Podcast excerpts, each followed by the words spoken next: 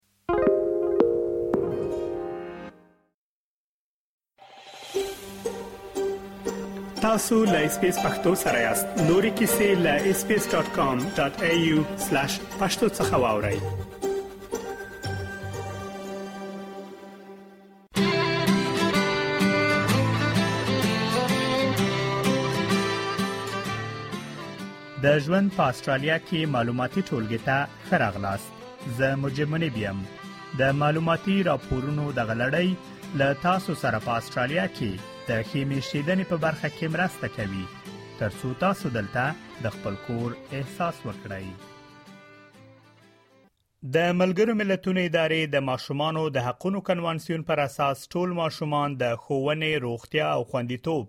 له مساوي حقونو څخه برخمن دي، خو د ماشومانو د حقونو پلویان وایي چې آسترالیا لا تر اوسه اوږده لار په مخ کې لري شاوخوا دیرش کاله کیږي چې آسترالیا د ملګرو ملتونو ادارې د ماشومانو د حقونو کنوانسیون لاسلیک کړی دی دغه تړون په دې معنی دی چې د استرالیا حکومت به ماشومان ته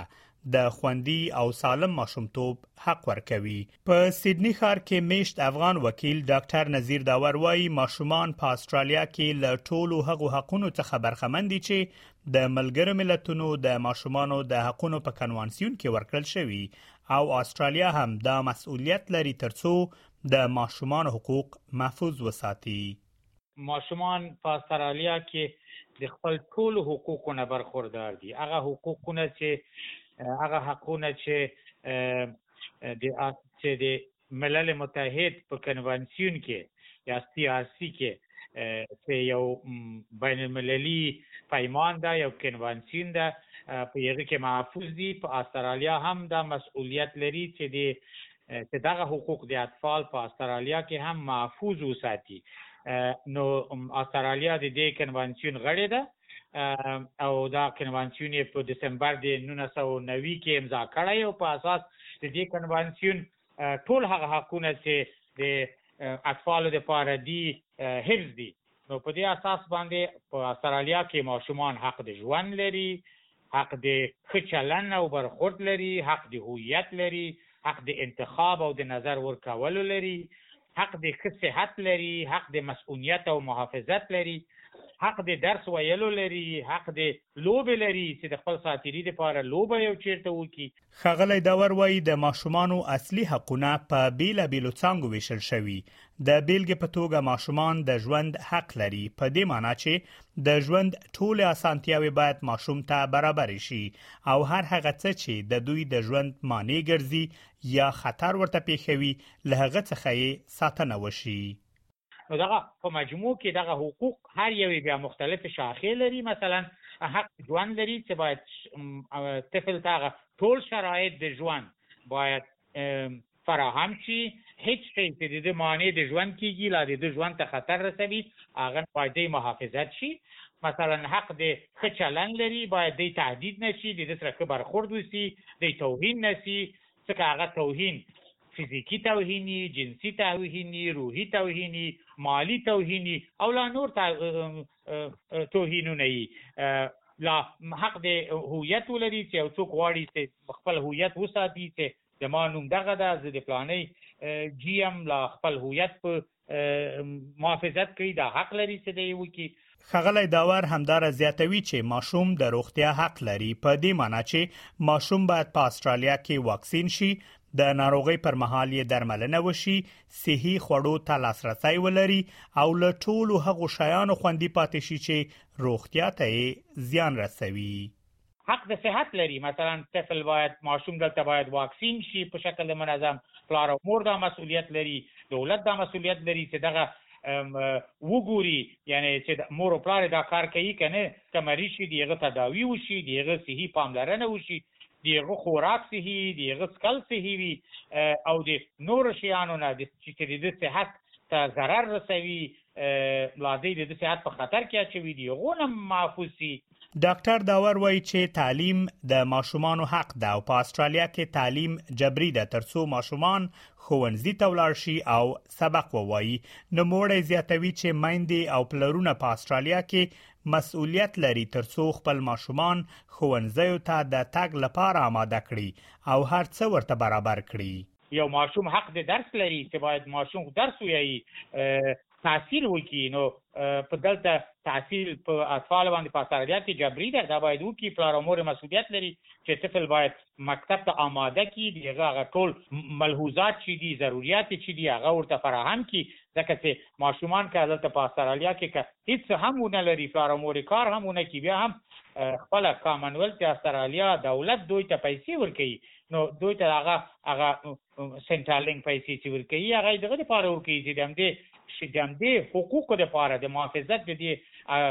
د دې اطفالو په خاطر باندې په یو شمیر هیوادونو کې ماشومان د اصلاح او خوالي په موخه د میند او پلرونو ښوونکو او یا نورو مشرانو لخوا وهل کیږي خغلی داور وایي چې په استرالیا کې د ماشومان وهل جرم دی او هیڅوک حق نه لري ترڅو ماشومان ته جسمي فزیکی یا روحي سزا ورکړي د ماشومان ویل په استرالیا کې جرم ده هیڅوک حق نه لري چې ماشوم ته کورپورل پنیشمنت لا فزیکل پنیشمنت حتی روحي پنیشمنت حق د دې نه لري وخت چې ما مخکې ویل چې یو ماشوم حق د ښه چلن او برخورد لري هغه په دې معنی ده چې هیڅوک حق نه لري چې ماشوم تهدید کی دا کار دې کوو که زه به داسې سره وکم لا هغه فزیکلی ووایي دا هم فرق نه کوي چې چېرته یې وهي، ځینې ما داسې هم اورېدلي دي او محاکمو کې مې هم لیدلي دي چې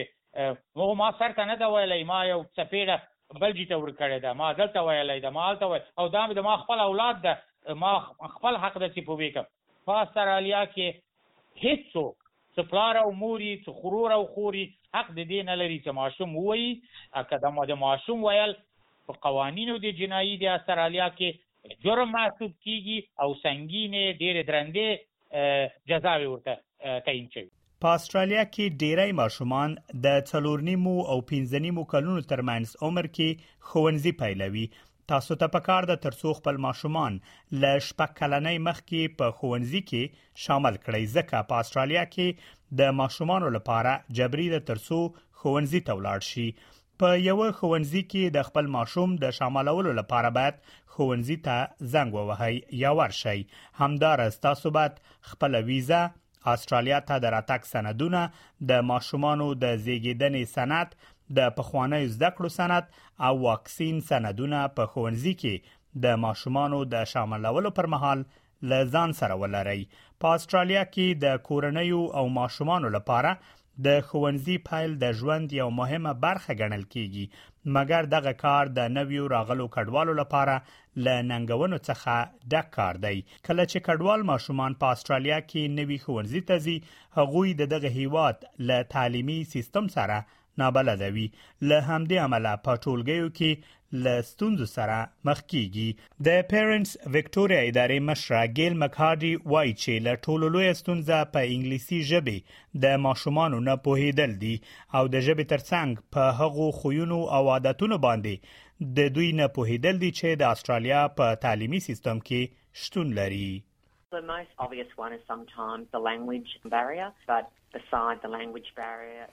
له ټولو ډیره ستونزه پر انګلیسي ژبه نه پوهیدل دي او د ژبې ترڅنګ هغه خویونو او عادت باندې ځان پوه کول دي کوم چې استرالیي خوانځي او سیستم کې وي نو هم دې لپاره دا ډیر مهمه ده چې خوانځي په دې پوه سي چې د دوی په خوانځي کې د بیلابیلو ټولونو او مهاجرو زده کوونکي دي او دې ته باید لا ډیر وخت ورکړي تر څو دا یقیني کړي چې یوازې دا نه ده چې ماشومان په ښوونځي کې داخله کړي بلکې د هغوی کورنۍ هم زده کړې پروسه کې باید شامل وساتي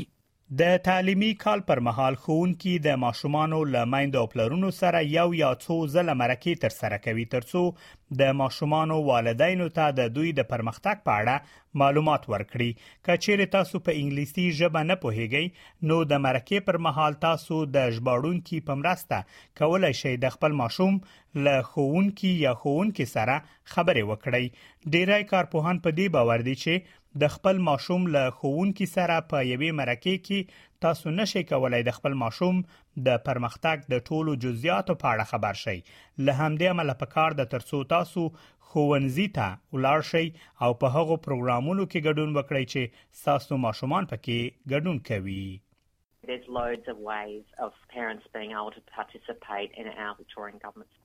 داسې ډېرې لارې دي چې والدین کولی شي چې ویکټوریا ایالت کې خپلو ماشومانو ښوونځیو سیستم کې پراخه ونډه واخلي. زموږ هڅونه لومړي قدم کې دا ده چې والدین باید د ښوونځي والدین ټولنه کې ځان شامل کړي هغې کې ډیر نور څه هم راځي لکه ماشومانو سبق ویلو وخت کې هغو ته غوږ نیول هغوی سره کانتین برخه کې مرسته کول چې څنګه څه واخلي او یا هم د ښوونځي باغچه کې داوطلبه کار کول او یا سپورت برخه کې له ماشومانو سره مرسته کول شامل دي که چیرې تاسو کوچني ماشومان لرئ او استرالیا ته له راتګ وروسته دلته زده کړې کوئ یا کار کوئ نو تاسو کولی شئ په استرالیا کې د ماشومانو د پاملرنې خدمتونو ته د حکومت په مالی مرسته لاسرسی ولرئ د ماشومانو د پاملرنې او لمړنیو زده کړو خدمتونه ستاسو له ماشومانو سره د ټولنیزو عاطفي او د زده کړې د مهارتونو په وده کې مرسته کوي د ارلی چالډهوډ او چالډ کیر ګروپ مرستیاله روس باکسټر وایي په استرالیا کې د ماشومانو د ساترې لپاره بیلا بیل انتخابونه شتون لري چې خلک کولای شي د هغو له ډلې څخه د خپل خوخي خدمتونه انتخاب کړي د ماشومانو د پاملرنې خدمتونه د ورځې له خوا منل شوي خدمتونه دي ترڅو د ماشومانو د پاملرنې او کوچنیو ماشومانو ته د زده کړې خدمتونه وړاندې کړي د ماشومانو د پاملرنې په خدمتونو کې ځینې د لانګ ډی کیر خدمتونو په نوم یادېږي چې له سهار وخت څخه تر ماښامه پورې خلک کولای شي د ماشومانو د پاملرنې دغه خدمتونو ته لاسرسی ولري These are daycare services that are approved by regulators to provide really quality early childhood education and care. They're sometimes called long day care because they're often open from quite early in the morning and then they're open until the early evening so that people can access care. اغلې باکسټر وايي چې د ماشومانو د ساتنې یو بل انتخاب د فیملی ډی کیر په نوم یادېږي چې دغه ډول خدمتونه په عام ډول سره د ښوونکي یا ښوونکې په کور کې وړاندې کیږي په دې معنی چې تاسو خپل ماشوم د بل چا کور ته وروړئ دغه خدمتونه عموما ښځې وړاندې کوي We also have family daycare and that's a type of childcare that's usually provided in the home of an educator. So that means you take your children along to someone's home. That's usually um, most educators are women, but not all of them. You take them along to the home of an educator and they receive care in that person's home. همداراز د ماشومانو د پاملرنې یو بل ډول خدمتونه هم شته چې د آوټساید سکول او سکیر په نوم یادېږي دغه خدمتونه د ښوونځي له پایل او پای وروسته وړاندې کیږي اغلی باکسټر وایي چې د خدمتونو بل ډول د پری سکول په نوم یادېږي معمولا دا هغه وخت ویل کیږي چې یو کال مخکې لدی چې ماشوم ښوونځی پیل کړي